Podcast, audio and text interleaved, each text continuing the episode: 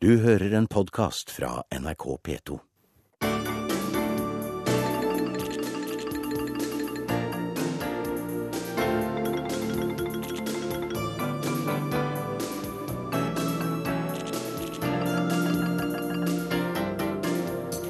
Hizbollah kjemper skulder ved skulder med regjeringshæren i Syria, og snart leverer Russland avanserte raketter til regjeringshæren. Borgerkrigen i Syria holder på å bli ei regional konflikt.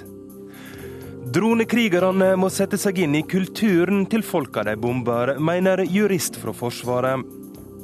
IOC-medlem Gerhard Heiberg mener Norge vil bøye av for Kina i fredsprisstriden, men ikke før i 2018.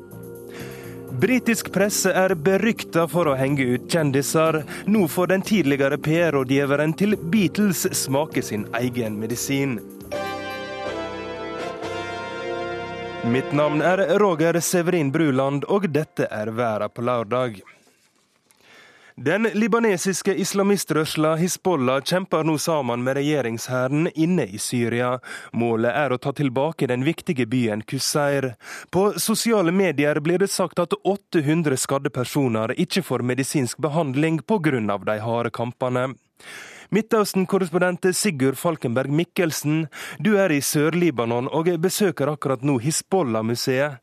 Hva syns de på museet om at Hizbollah nå kjemper for Assad og regjeringshæren? Her eh, er de eh, veldig på Hizbollahs eh, linje, naturlig nok. Det er stort sett tilhengere og sympatisører som kommer hit, og noen nysgjerrige. Og Hizbollahs linje er at dette er en fortsettelse av motstandskampen mot Israel. og slåss mot ekstremistiske, ytterliggående sunnimuslimer. Jeg snakket med en kvinne her som kom i shorts og spurte retorisk om hun trodde at Eh, om hun kunne gå slik hvis eh, ekstremistene i Syria ville vinne. Sånn at de, de legger seg på den linja Hizbollah har, eh, har, lagt. Men det er ikke noe tvil om at Hizbollah er i en ukomfortabel posisjon her. De har nå vendt våpnene sine mot Syria, og ikke mot, direkte mot Israel. Og slåss mot andre muslimer. Og tar tunge, de tar tunge militære tak. Nå henger bilder av nylig drepte soldater i krigen i Syria. Hva er siste utviklinga i disse her kampene rundt denne byen Kuseir? Det er eh, desperate forhold for sivilbefolkningen. Eh, jeg var der i eh, går, rett på så hvordan jagerflyene fra den syriske regjeringshæren bombet byen. Uh, og jeg så også at de ble skutt tilbake uh, mot Libanon, mot uh, Hizbollah-dominerte byer her i Libanon. Så situasjonen er meget spent. og Regjeringshæren og Hizbollah har altså ikke klart å ta denne byen, som er ganske liten. Opprørshæren sitter fortsatt sterkt Eh, hvordan påvirker det her høye spillet til Hizbollah nå det politiske klimaet inne i Libanon? Ja, eh, Situasjonen er eh, spent. Eh, det er den i seg nesten alltid i Libanon. Men eh, nå er det ytterligere eh, problemer. Folk er jo redde for at krigen skal spre seg for alvor her inne. og Det første offer har vært det libanesiske demokratiet for i går bestemte det libanesiske parlamentet at det ikke blir noe nyvalg slik det var planlagt i juni, eh, og ga seg selv en eh, forlengelse på sine mandater på halvannet eh, år. Og Det var jo tilløp til opptøyer i Beirut etter den beslutningen. Men det er første gang dette skjer altså den, den, type forlengelse av mandatene. Første gang det skjer siden borgerkrigens slutt i 1989. Takk til deg, Midtøsten-korrespondent Sigurd Falkenberg Mikkelsen. Denne veka skjedde det noe som kan eh, trekke Israel inn i borgerkrigen i Syria. Russland er i ferd med å levere avanserte raketter til regjeringshæren, våpen som kan dominere det israelske luftrommet og gjøre det vanskelig for andre land å intervenere i konflikten. Israel truer nå med å angripe Syria.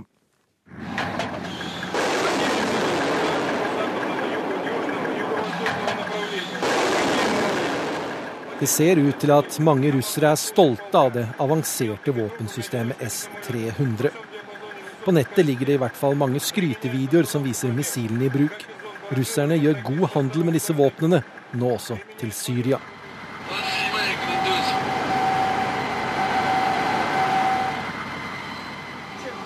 Det finnes mange versjoner av S-300, og verken det syriske eller russiske utenriksdepartementet oppgir nøyaktig hva slags missiler Assad-regimet nå skal ha fått.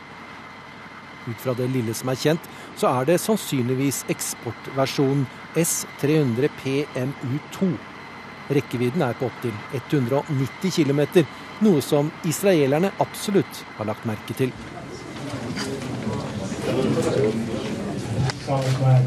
Den israelske minister for strategi og etterretning har kalt inn til pressekonferanse i Jerusalem. 130 km fra grensen til Syria.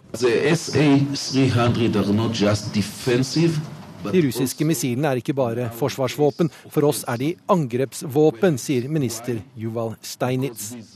Han mener syrerne med disse våpnene kan angripe fly som er i ferd med å lande på Ben Gurion-flyplassen. Sivile fly, militære fly. Israelerne mener de nye missilene vil gjøre mesteparten av Israel til en flyforbudssone. Samtidig er det pressekonferanse i Moskva. Her handler det også om salget til Syria. Viseutenriksminister Sergej Rybakov gjør det klart at dette ikke er noe nytt de har funnet på. At Russland undertegnet kontrakt om dette salget lenge før borgerkrigen startet at våpnene på ingen måte kan brukes mot opprørerne. Så kommer han til det mange mener er den egentlige grunnen til at leveransen kommer nå.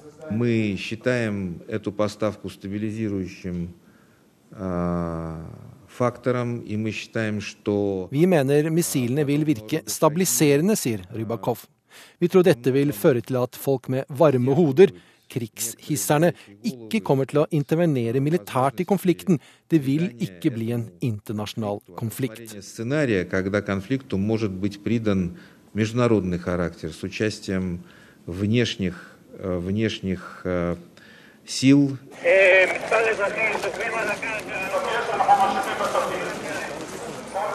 Vi er tilbake i Israel og en øvelse der militært personell forsøker å rydde opp etter et rakettangrep. Rakettdeler ligger spredd utover landskapet. Det er røyk som skal simulere giftgass. En annen israelsk minister er til stede, og et stort pressekorps. De får høre at våpensalget kan føre til internasjonal konflikt mellom Syria og Israel. Men ikke ennå, for missilene er ennå ikke på plass, ifølge forsvarsminister Moshe Yalon.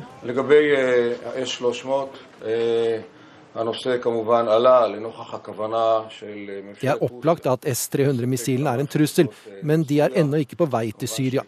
Jeg håper de aldri forlater Russland, men dersom de gjør det, så vet vi hva vi skal gjøre, sier Jalon til journalistene.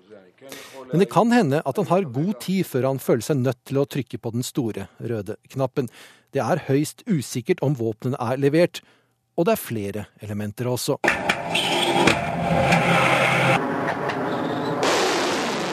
I de russiske skrytevideoene som viser den ene raketten etter den andre rase opp mot himmelen, får vi mange detaljer.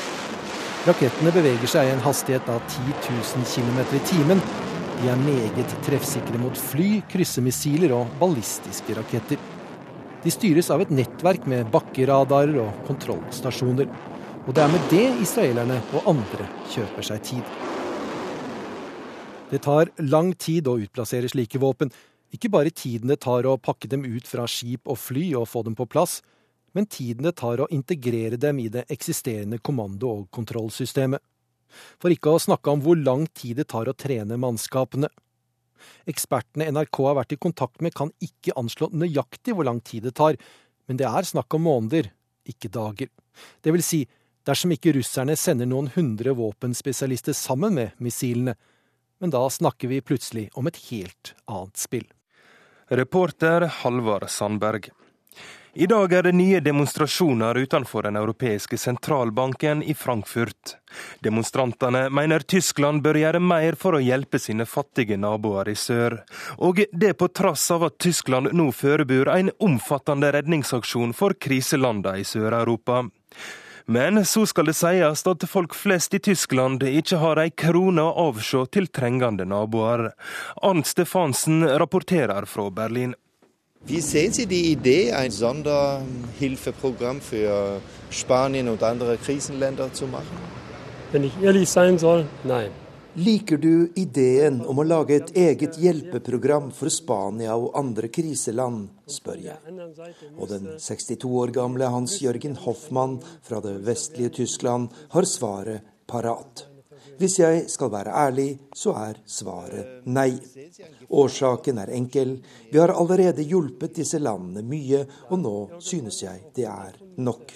Jeg mener landene i Sør-Europa må gjøre en større innsats selv for å komme over denne krisa, sier han.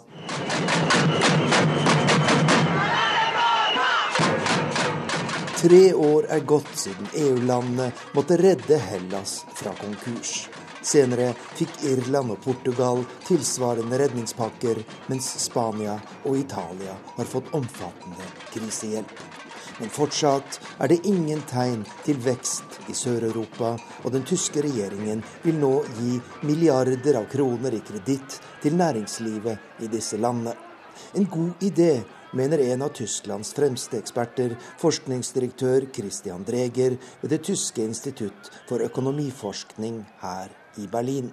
Nun, äh, zunächst mal geht es ja darum, äh, dass der Konsolidierungskurs in den äh, Ländern, in den Südländern For det første er det viktig å understreke at sparekursen i de sørlige eurolandene må føres videre. Men etter så mange år med krise ser vi at noe drastisk må skje hvis de samtidig skal greie å skape vekst og arbeidsplasser. Og jeg mener det er en god plan å gi bedriftene i Spania og andre søreuropeiske land billig kreditt, slik at ny virksomhet kan komme i gang og nye arbeidsplasser kan bli skapt. Tyskland har jo god erfaring med slike løsninger etter å ha brakt det tidligere DDR økonomisk på fote etter jernteppets fall, sier eksperten. Det er mye penger som settes i sving dersom den tyske regjeringens plan blir satt ut i livet. Ifølge tyske medier er det i første omgang snakk om å stille rundt 1 milliard euro, drøyt 7,5 milliarder norske kroner, til disposisjon for næringslivet i Spania. Dersom dette blir vellykket, står andre kriseland som Italia, Portugal og Hellas for tur og forskningsdirektør Christian Dreger tror dette er et fornuftig prosjekt også for Tyskland selv. Vi må jo regne med at det tar lang tid før kriselandene i Sør-Europa får orden i sine finanser. Kanskje vil dette ta ti år fra i dag. Og da er det fare for at disse landene faller ut av hele eurosamarbeidet og aldri blir i stand til å betale tilbake de store lånene som Tyskland har gitt dem de siste årene. Det er derfor i høyeste grad i tysk egeninteresse å bidra til at dette ikke skjer, bl.a. med en slik redningsaksjon som vi nå ser, sier økonomieksperten. Gemyttene er i kok under en demonstrasjon i den greske hovedstaden Aten, og det er mange grunner til sinne og fortvilelse. Den greske økonomien har falt med 30% på fem år, og vil falle ytterligere drøyt 4% i år. Nedgang blir det også i år i Italia, Spania og Portugal, og en OECD-rapport som ble lagt frem denne uken, viste at utviklingen i europeisk økonomi er enda dårligere enn tidligere antatt. Likevel er ikke bildet helsvart, sier økonomieksperten Christian Dreger. Also ich gehe eigentlich immer noch davon aus, dass der Euroraum zusammenbleibt. Jeg legger fortsatt til grunn at eurosamarbeidet vil overleve i sin nåværende form. Vi har fått bedre kontroll på krisa den siste tiden, og en av grunnene er at den europeiske sentralbanken sikrer de søreuropeiske landene mot spekulasjon fra finansmarkedene. Det er dessuten enighet om at sparing alene ikke bringer Sør-Europa ut av krisa, men at vi også må gjøre noe for å skape vekst og for å få ned den enorme arbeidsledigheten i disse landene. I så måte vil jeg si at det er større sannsynlighet i dag for å løse krisa enn det var for ett år siden. Men det er En krise som vil holde oss på tå hev i mange år fremover, sier forskningsdirektør Christian Dreger ved det tyske institutt for økonomiforskning her i Berlin. Nå skal vi til et land som kan trenge noen euro fra Tyskland. Bulgaria fikk denne veka ny regjering etter flere måneder med politisk kaos. Men usikkerheten er fremdeles stor i det fattigste landet i EU.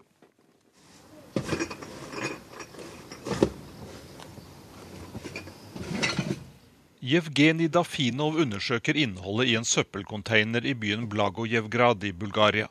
Den 44 år gamle mannen mistet jobben som snekker for fire år siden.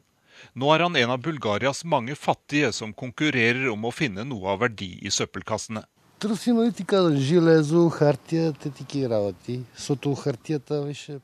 Jeg leter etter jern, papir og flasker, sier Jevgenij. På en god dag klarer han å tjene 80 kroner på det han finner i søpla. Men han kommer stadig sjeldnere opp i en slik sum, for folk blir mer og mer forsiktige med hva de kaster. Likevel, det holder til mat til han og kona. Og sammen klarer de å leie et rom hos en annen familie.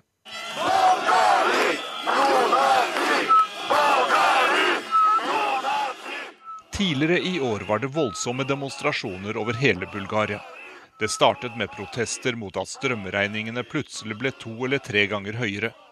Men etter hvert krevde folk at regjeringen måtte gå av pga. politisk vanstyre og en økonomisk krise som kaster stadig flere mennesker ut i dyp fattigdom. Det konservative partiet GERP, som hadde statsministeren, gikk med på nyvalg. I valget for tre uker siden ble GERP igjen størst, men klarte ikke å danne regjering fordi ingen andre partier ville samarbeide med det. Dermed ble det Sosialistpartiet som denne uken dannet en minoritetsregjering sammen med partiet for den tyrkiske minoriteten i Bulgaria.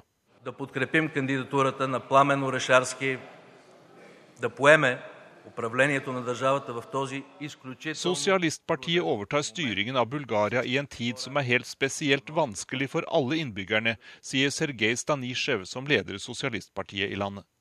Han understreker at den økonomiske situasjonen er helt usedvanlig vanskelig også for den bulgarske staten.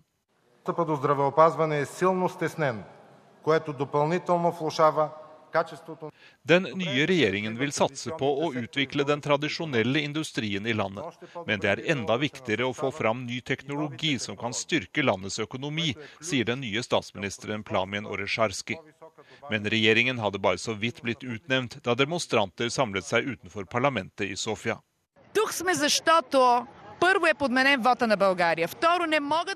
Valget nylig var preget av juks og fanteri.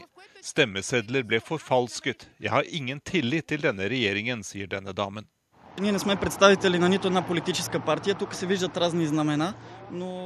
Vi som demonstrerer her, hører ikke til noe spesielt parti. Vi har ren samvittighet og ærlige hensikter, sier denne mannen. To restore the confidence of the people in the political process will be one of the greatest challenges. Å gjenopprette folks tillit til politikerne og til de politiske partiene er sannsynligvis den største utfordringen vi står overfor, sier Bulgarias nye utenriksminister Kristian Vigenin fra Sosialistpartiet til NRK. Han er svært hard i sin kritikk av partiet GERB, som styrte landet de siste årene. Ifølge Vigenin var GERP en slags mafiaorganisasjon som ranet til seg statens verdier i samarbeid med innflytelsesrike selskaper, uten å ta hensyn til at befolkningen ble stadig hardere rammet. Men sosialistene hadde makten i mange år før det, og mange bulgarere er desillusjonerte. Og de mener at alle de etablerte politiske partiene er like korrupte. Den nye regjeringen har en svært vanskelig jobb, sier utenriksministeren. Will, uh, show progress uh, quickly enough in order to satisfy those people. Hvis ikke bulgarerne føler at den nye regjeringen virkelig gjør noe konkret for å bedre situasjonen for folk flest, så kommer de til å gå ut i gatene igjen og demonstrere, sier utenriksminister Vigenin.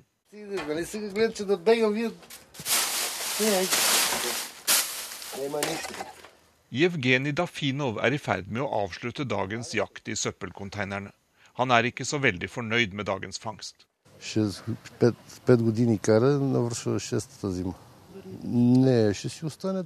Jevgenij har aldri vært inne på tanken på å delta i demonstrasjoner. Han er altfor fattig til det. Han er mest opptatt av å overleve til neste dag. Og så håper han at han snart får se igjen den seks år gamle datteren som bor sammen med bestemoren i en landsby fire timers reise unna. Hvis Jevgenij finner litt ekstra verdifullt metall i søpla, så får han kanskje råd til en bussbillett. Reporter i Bulgaria Jan Espen Kryse. Droner er førerløse fly der soldater kan sitte trygt i bunkerer og bombe land på andre sida av kloden. Soldater dreper folk de aldri har møtt. Dronekrigerne må utdanne seg slik at de forstår kulturen til de som blir bomba. Det mener både Røde Kors og Forsvaret.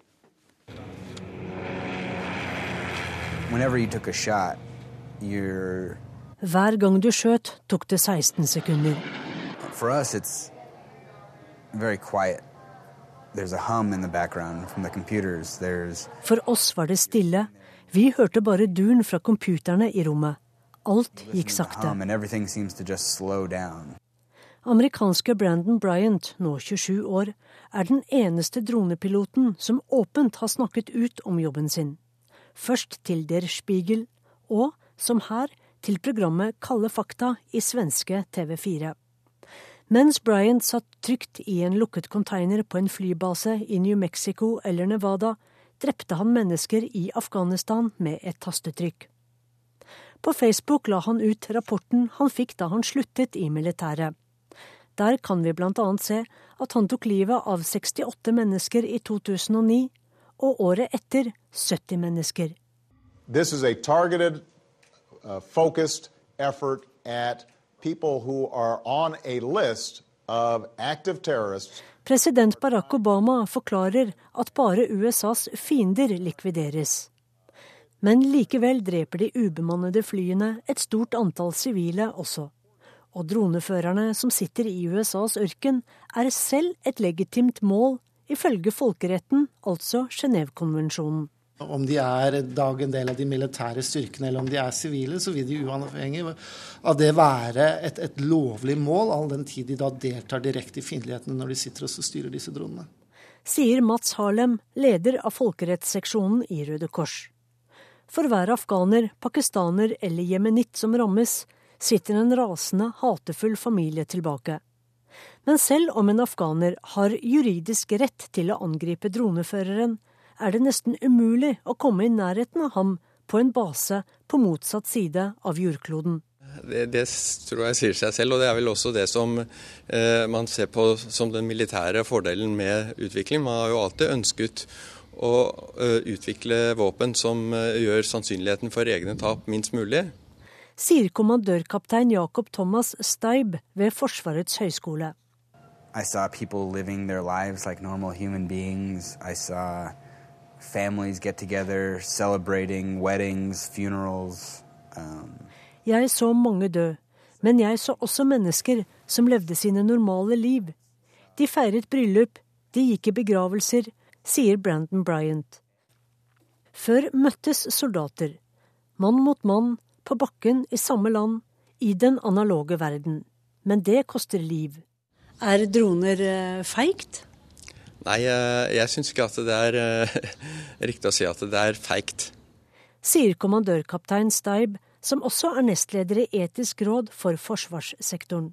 Altså, problemet med droner er mer den måten de blir brukt på. Når de som da styrer disse dronene, ikke klarer å respektere krigens folkerett. Sier Mats Harlem fra Røde Kors.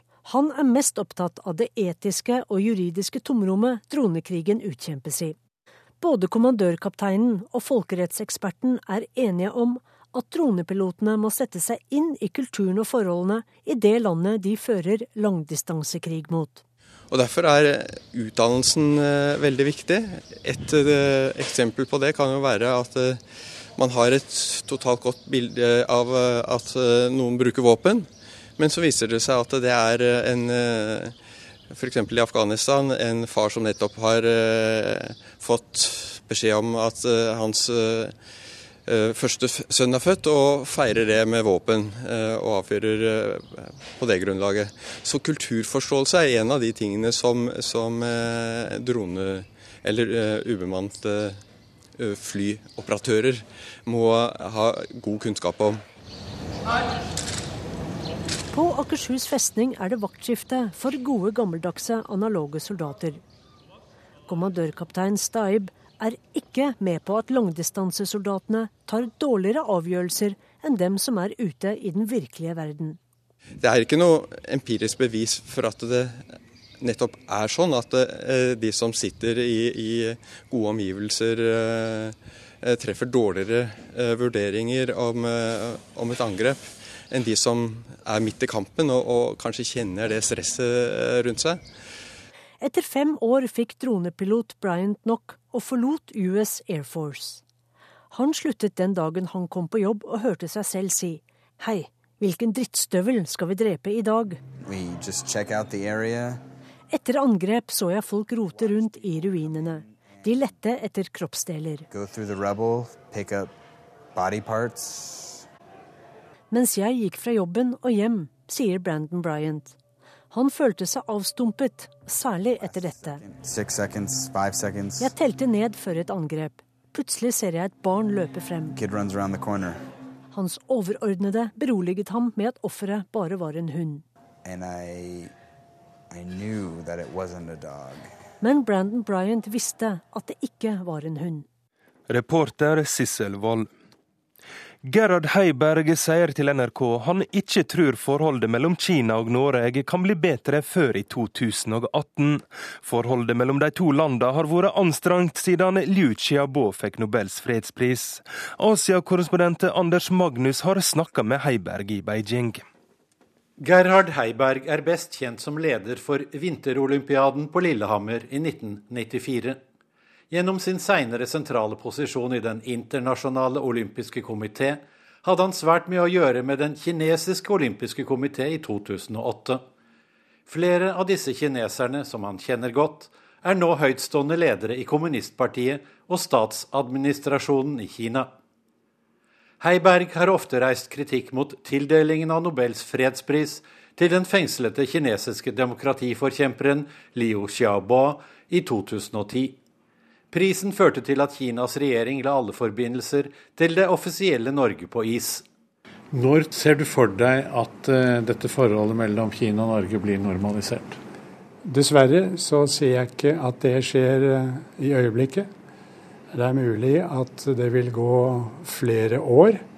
Det syns jeg er forferdelig leit. Hvilket år tror du det blir normalt? Jeg har uh, tillatt meg å si at jeg tror det går over eh, valget denne gang. Da kommer nok de konservative. Jeg er redd det ikke skjer noe i de fire årene. Så kommer sosialistene tilbake igjen i 2017. Og da er det kanskje begynnende arbeidsløshet i Norge.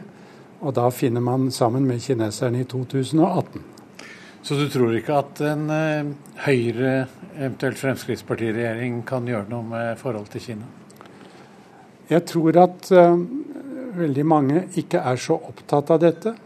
De vet ikke nok om hva som skjer i Kina. Du skriver i din kronikk i Aftenposten eh, at Kina har funnet fram til sitt eget styresett. Betyr det at du aksepterer et kommunistisk ettpartidiktatur som en grei styreform? Nei, det gjør det ikke. Men uh, slik er situasjonen i dag. Og da mener jeg at det er mye bedre å være innenfor, og sånn sett kan være med på å påvirke det som skjer i Kina. Å stå utenfor med storslegga og skal slå til kineserne har ingen hensikt. Da kommer man i hvert fall ingen vei. Hva synes du selv om fengslingen av fredsprisvinner Liu Xiaobo? Altså når jeg tror på menneskerettigheter og jeg tror på demokrati, så tror jeg ikke det er eh, veien å gå. Det skjedde i Kina, ja. Så får man ta det derfra. Igjen altså en dialog med dem om dette er mye bedre enn å gi dem en på trynet med jevne mellomrom. Hva syns du også om fengslingen av kona hans, Liu Xia, som heller ikke er dømt for noen ting? Det syns jeg også er galt. Jeg har ikke noe annet eh, syn på det enn vanlige nordmenn. Du er jo på mange måter på innsiden som, eh, ikke som nordmann, men som god venn av Kina. Og du kjenner veldig mange i eh, den nåværende ledergruppen i Kina etter ditt samarbeid med kineserne under de olympiske leker i 2008. Hva har du gjort for å bedre forholdene, eventuelt skape, skape, en løslatelse for disse to, Liu Xiaobo og Liu Xia? Jeg tror ikke jeg skal gå i detalj på det, men uh, kineserne kjenner uh, mitt syn på dette. Jeg har møtt en åpenhet i en diskusjon hvor jeg har fått kinesernes standpunkter og syn på det de mener er en innblanding i interne anliggender. Og eh, det har vært en dialog som jeg syns har vært eh, positiv. Så du har altså eh, gått eh, i forbønn for Liu Xiaobo og Liu Xia? Jeg har ikke gått i forbønn, for det er galt å si. Min dialog betyr ingenting sånn sett. Hvem er jeg oppi dette? Jeg er jo absolutt ingen. Hvilken rolle synes du NRK norsk presse har spilt i denne saken? Jeg tillater meg å si at jeg syns man har vært eh, veldig negativ overfor eh, det som skjer i Kina. Jeg hadde håpet man kunne se med litt eh, mer balanserte øyne, hvis jeg får lov å si det. Men den tiden kommer forhåpentligvis, og det gleder jeg meg til Gerhard Heiberg der, altså. Neste veke er det toppmøte mellom EU og Russland i Jekaterinburg. Visumfridom blir et viktig tema for russerne. Moskva-korrespondent Hans-Wilhelm Steinfeld rapporterer. European history and civilization will be incomplete without Russia. 70% of all Russian gas exports Naturligvis vil særlig gassalget fra Russland til EU stå sentralt i Jekaterinburg neste uke. Men her i Moskva fikk Statoil vite denne uken fra en fremtredende russisk energianalytiker at russerne også er nær en avtale om gassalg til Kina nå i juni. Imidlertid har Kina og Russland forgjeves forhandlet i 15 år om å bygge et russisk gassrør til Kina, og russisk presse har skrevet at Kina vil gjøre seg uavhengig av russisk gass innen 2020. Så enkelt blir det ikke for Russland å spille Kina ut mot EU gir Katarin Borg neste uke, når gassleveranser og energitrygghet for EU kommer opp på dagsorden. For Vladimir Putin er imidlertid visumfrihet med EU det sentrale. Spørsmålet har lenge stått på Putins dagsorden, og foran toppmøtet med EU neste uke, sier Russlands president.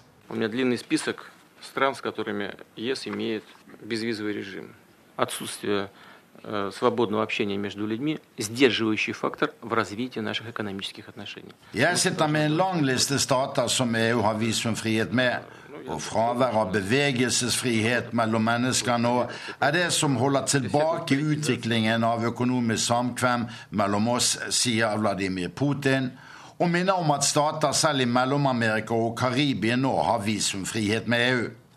I prinsippet er EU enige om at visumfrihet mellom Russland og Den europeiske union må være målet, men altfor mye synkronisering av lover på russisk side gjenstår til at visumfrihet mellom EU og Russland kan komme nå. Sist EU-kommisjonens president José Manuel Barrosa var i Moskva for to måneder siden, sa han det diplomatisk slik. The long-term vision is a common economic and human space from Lisbon to Vladivostok, with free travel of people. This is our long-term vision. Toppmøtet mellom EU og Russland i Ekaterinburg lover heller ikke noe gjennombrudd i synet på hvordan Syria-konflikten kan løses foran den planlagte konferansen i Genéve om Syria i juni. Denne uken anklaget Russland EU for hykleri fordi EU ikke forlenget våpenembargoen overfor opposisjonen i Syria. Men Russland vil selv selge luftvernraketten S-300 til Assad-regimet i Syria som hjelpemiddel mot utenlandsk intervensjon, en klar advarsel til USA. Dette våpensalget kan lett også bringe Russland i konflikt indirekte med Israel, en stat president Putin har et godt forhold til også. Utsiktene til noe hurratoppmøte mellom EU og Russland i Ekaterinburg ser altså magre ut, men det revon i hangene snører på en annen politisk arena mellom Russland og Vest-Europa. 20. mai møttes president Putin og Europarådets generalsekretær Torbjørn Jagland i Sotsji. Russerne røpet da at de vurderer å opprette en økonomisk stiftelse som skal støtte ikke-statlige organisasjoner her i Russland, som Amnesty International og Helsingforskomiteen. For disse stemples nå som utenlandske agenter i Russland dersom de mottar pengestøtte fra utlandet, i henhold til en ny og svært omstridt lov i Russland. Arktis tiltrekker seg større og større interesse, ikke minst når det gjelder forskning. I forskersamfunnet Ny-Ålesund har Tsjekkia bestemt seg for å etablere en forskningsstasjon i den nordligste bosetnaden i verden. We have different for either sampling, uh, taking for uh, determining uh, persistent organic pollutants or heavy metals. Et tilsynelatende virvar av avanserte instrument. Vi er på taket av den tysk-franske forskningsstasjonen i Ny-Ålesund. Vi har utsikt mot snødekte fjell og mot Kongsfjorden, og rundt oss ligger store og små hus med forskningsstasjoner fra mange land. Uh, Tyskerne etablerte seg her i 1991. Frankrike kom ti år senere.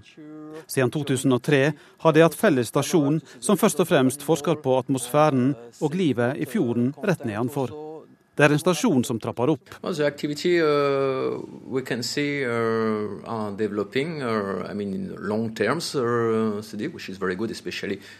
uh, vi øker aktiviteten jevnt og trutt. Vi styrker samarbeidet med andre land, og nye instrument kommer opp, forteller stasjonssjef Rudolf Denkmann. Yes, more instrument. That's what you can say. There's uh, more instrument coming up, and uh, other institute and country want to also put our instrument uh, uh, with us. Dette var en gruveby. Selskapet Kings Bay AS ble starta i 1916. Opp gjennom åra var det flere ulykker i gruvene, og i 1963 ble gruvedrifta avvikla. Kings Bay er nå et statlig selskap som eier og driver Ny-Ålesund som et senter for internasjonal forskning og miljøovervåking. Det er rundt 35 fastboende her om vinteren, og ca. 180 om sommeren. Rundt 20 land driver forskning i Ny-Ålesund. Ti av dem har egne forskningsstasjoner. Og det er utlendingene som er mest aktive, forteller direktør i Kings Bay, Ole Øyseth. For øyeblikket så er det jo eh, den tysk-franske stasjonen som, som, er desidert den eh, som har størst aktivitet. Og som eh, i fjor etablerte et undervannsobservatorium som genererte betydelig virksomhet. Det er de som har hatt en markant vekst det siste året. Foruten Tyskland og Frankrike har Kina, Japan, Sør-Korea, India, Italia, Nederland, Storbritannia og Norge egne forskningsstasjoner her. Og det blir flere. Tsjekkia er et eksempel. De ønsker å etablere seg her, og planen er at de skal være operative fra Ny-Ålesund i 2015. Samtidig har, har tsjekkerne tilkjennegitt tydelig at de ønsker å dele forskningsdata og et bredest mulig samarbeid. Så dette ønsker vi velkommen. Ny-Ålesund er den nordligste permanente bosetnaden i verden en halvtimes flytur fra Longyearbyen. But first is because Kings Bay, who owns the place, uh, have uh, great facilities that they offer. Uh, they, they dedicate to science. Det er godt tilrettelagt for å drive forskning her, sier Rudolf Denkmann. Det er også lett å komme seg hit med fly, selv om det er langt mot nord.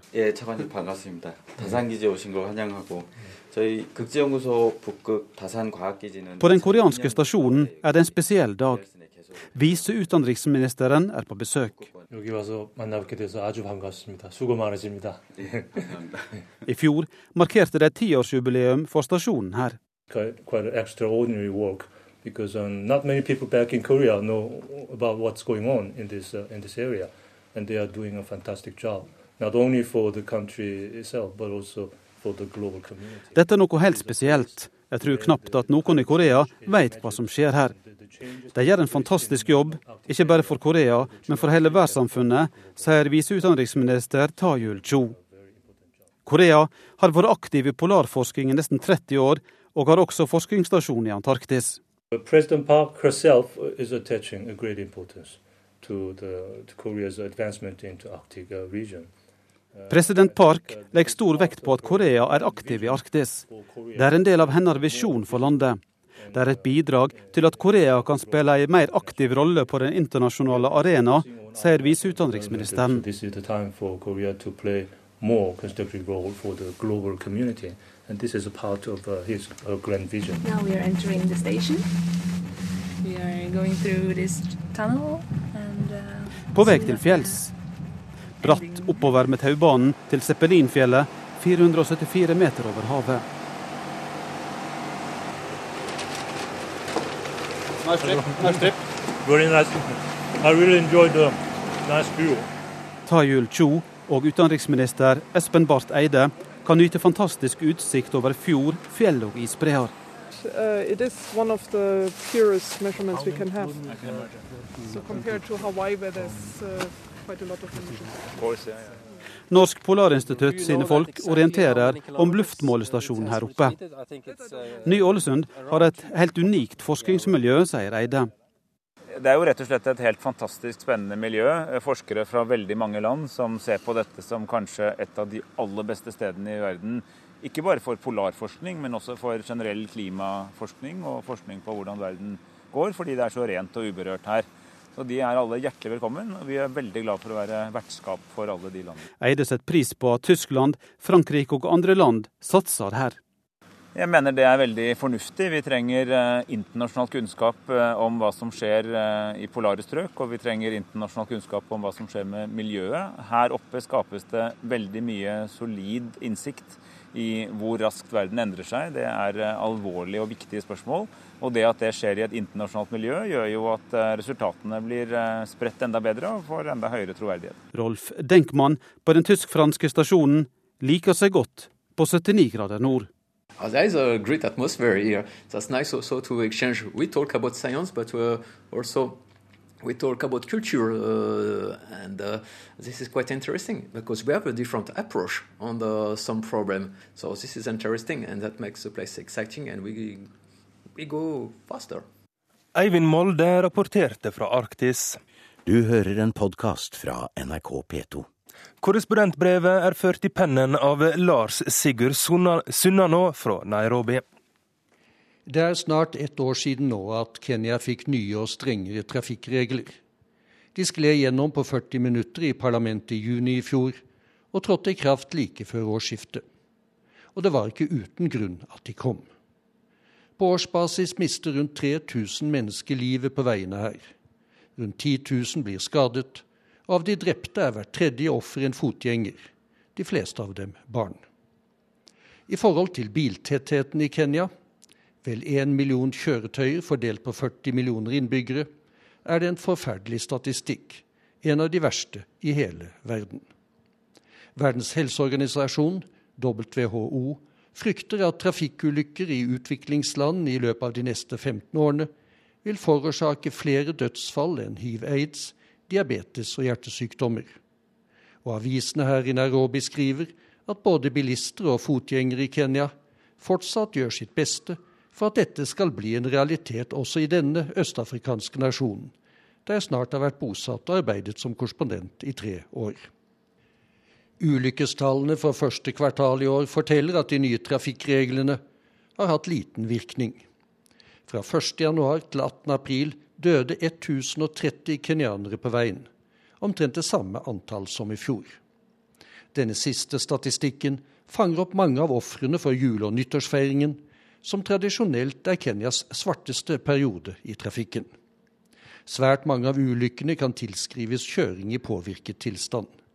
For det festes og feires rund baut både før, under og etter jule- og nyttårshelgen. Venner møtes på barer i lystig lag, og øl og hjemmebrenten flyter når familier kommer sammen, enten her i hovedstaden eller i hjemtraktene på landsbygda. Med store avstander blir bilen som regel transportmiddelet mellom selskapelighetene, og frem til i år har det ikke vært for mange promillekontroller å ta hensyn til. Det ble riktignok gjort et forsøk i 2005. Trafikkpolitiet ble da utstyrt med alkometre, og det ble satt opp en rekke veisperringer. Men kenyanere flest er pragmatiske, de finner løsninger. Politiets sjekkpunkter ble raskt lokalisert og formidlet, og det ble funnet kjørbare stier, veier og tråkk rundt Gestapo-kontrollene, som mange av de fuktige sjåførene valgte å kalle dem. Og gikk det ikke å komme rundt promillekontrollene, fantes det måter å komme gjennom uten å bli tatt. Edru taxisjåfører ble løsningen. De fulgte etter med drosjene til kontrollpostene nærmet seg, overtok så rattet fra fyllekjørerne og fikk bilene og eierne trygt gjennom sperringene etter selv å ha blåst grønt. Etterpå vandret de til fots tilbake til drosjene sine, mens bileierne fortsatte sine mer eller mindre vinglete hjemreiser uten å ha blitt bøtelagt. Vel vitende om at promillekontrollen ikke alltid ville vare hele natten, valgte mange festdeltakere også å holde det gående til utpå morgenkvisten før de rødøyet startet bilferden hjemover. I trafikkpolitiet minnes likevel mange av betjentene og konstablene med glede jul- og nyttårshelgen i 2005. For mange bilførere ble tatt og blåste rødt. Pengene strømmet inn etter løpende forhandlinger med synderne. Det var så som så med hvor mange bøter som ble utferdiget, og hvor mye som kom den kenyanske statskassen til gode. Det ble med forsøk i 2005. Men nå ryktes det at nye gule alkometere skal være på plass før neste jule- og nyttårsfeiring om et halvt år. Tørste bilister frykter det verste. Tidligere risikerte de bøter på 10 000 kenyanske skilling, rundt 700 norske kroner, og tre måneder i fengsel om det ble tatt og ikke klarte å komme frem til minnelige og rimeligere ordninger med lovens håndhevere. Nå sier de nye trafikkreglene at det kan koste dem 500 000 skilling, 35 000 kroner og ti år i fengsel dersom politifolkene ikke er villige til å forhandle og i stedet står på at fyllekjøringen har vært så graverende at både bot og straff må til. Og selv om en lykkes med forhandlingsløsninger, må de påregnes å bli vesentlig dyrere enn før, mener mange som uttrykker dyp bekymring i debattspalten i Kenyas ledende aviser. Men alvoret er der nå. Om promillereglene håndheves etter boken, betyr de nær ruin for den jevne kenyaner, så lavt som lønnsnivået er for folk flest. Og hvis du som fyllekjører forårsaker en dødsulykke, er det ingen bønn. Livsvarig fengsel er blitt den nye strafferammen. Det er likevel ikke bare fyllekjøring som drar opp elendigheten på veiene her i Kenya. Det er like mye farten og hasardiøse forbikjøringer. Det fins riktignok fartsgrenser. 50 km i tettbygde strøk, 100 eller 110 km i timen på hovedveiene. Men det er et særsyn når de respekteres. Og det er utrolig langt mellom skilt som viser fartsgrensene. Det er enda lenger mellom fartsmålingene. Etter mine tre år i Kenya har jeg ennå til gode å ha sett så mye som en radar eller et laserkamera i bruk. Men bøtene for å kjøre for fort er tidoblet. 20 000 skilling, 1400 kroner, koster det nå om politimannen eller kvinnen på veien vinker deg inn og gir deg en bot basert på skjønn. Her i Nairobi har folk flest hilst de nye trafikkreglene velkommen. Ikke minst fordi de har strammet inn handlingsrommet til matatuene. De små minibussene med fra 12 til 14 passasjerer, som kollektivtransporten er helt avhengig av, ikke bare i hovedstaden, men over hele landet. Matatuene er fryktet. Sjåførene bryr seg ikke om trafikkregler hvis de kan unngå det. De kjører mot kjøreretningen om det gir raskest fremdrift, bruker gjerne fortauene som ekstra kjørefiler, stopper akkurat hvor og når de vil for å ta passasjerer, og det går fortsatt nesten ikke en dag uten at avisene forteller meg at en passasjerlast eller to har strøket med i frontkollisjoner eller utforkjøringer med disse minibussene. Men trafikkbildet er blitt noe bedre i Nairobi etter at de nye trafikkreglene kom. Det er blitt forbudt å kjøre på fortauene. Opptil 300 000 skilling, vel 20 000 kroner, kan boten bli for en slik forseelse for en Matatu-sjåfør som knapt tjener 700 kroner i måneden. Det samme gjelder om han eller andre tar snarveien gjennom en bensinstasjon for å komme lenger frem i bilkøene. Eieren av minibussene pålegges dessuten å gi sine sjåfører fast lønn hver måned. Den kanskje viktigste årsaken til at de opererer som de gjør, er at de kjører på akkord. Jo raskere de kjører, jo flere turer passasjerer får de hanket inn. Med fastlønn vil de etter alt å dømme ta det roligere i trafikken, har lovgiverne ment. Det gjenstår å se om det etter hvert blir tryggere på veiene i Kenya. Den første dagen lovendringen trådte i kraft for et halvt år siden, ble 930 bilister og motorsyklister arrestert for å ha brutt de nye reglene. Senere synes håndhevelsen å ha dabbet av og gått seg til. Trafikkpolitiet står ikke særlig høyt i kurs her. Flere undersøkelser har plassert etaten som den mest korrupte blant lovens håndhevere. Men nå åpner trafikkreglene for at alle politifolkene i landet skal kunne gripe inn når de ser forseelser og lovbrudd på veiene.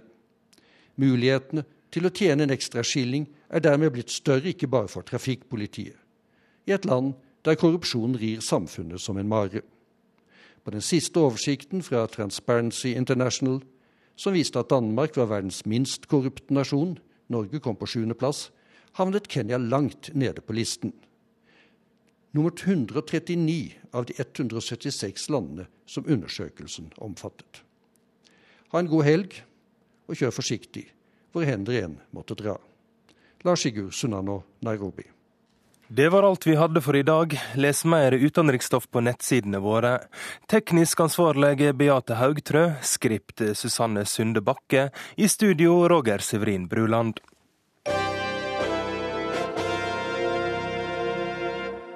Du har hørt en podkast fra NRK P2.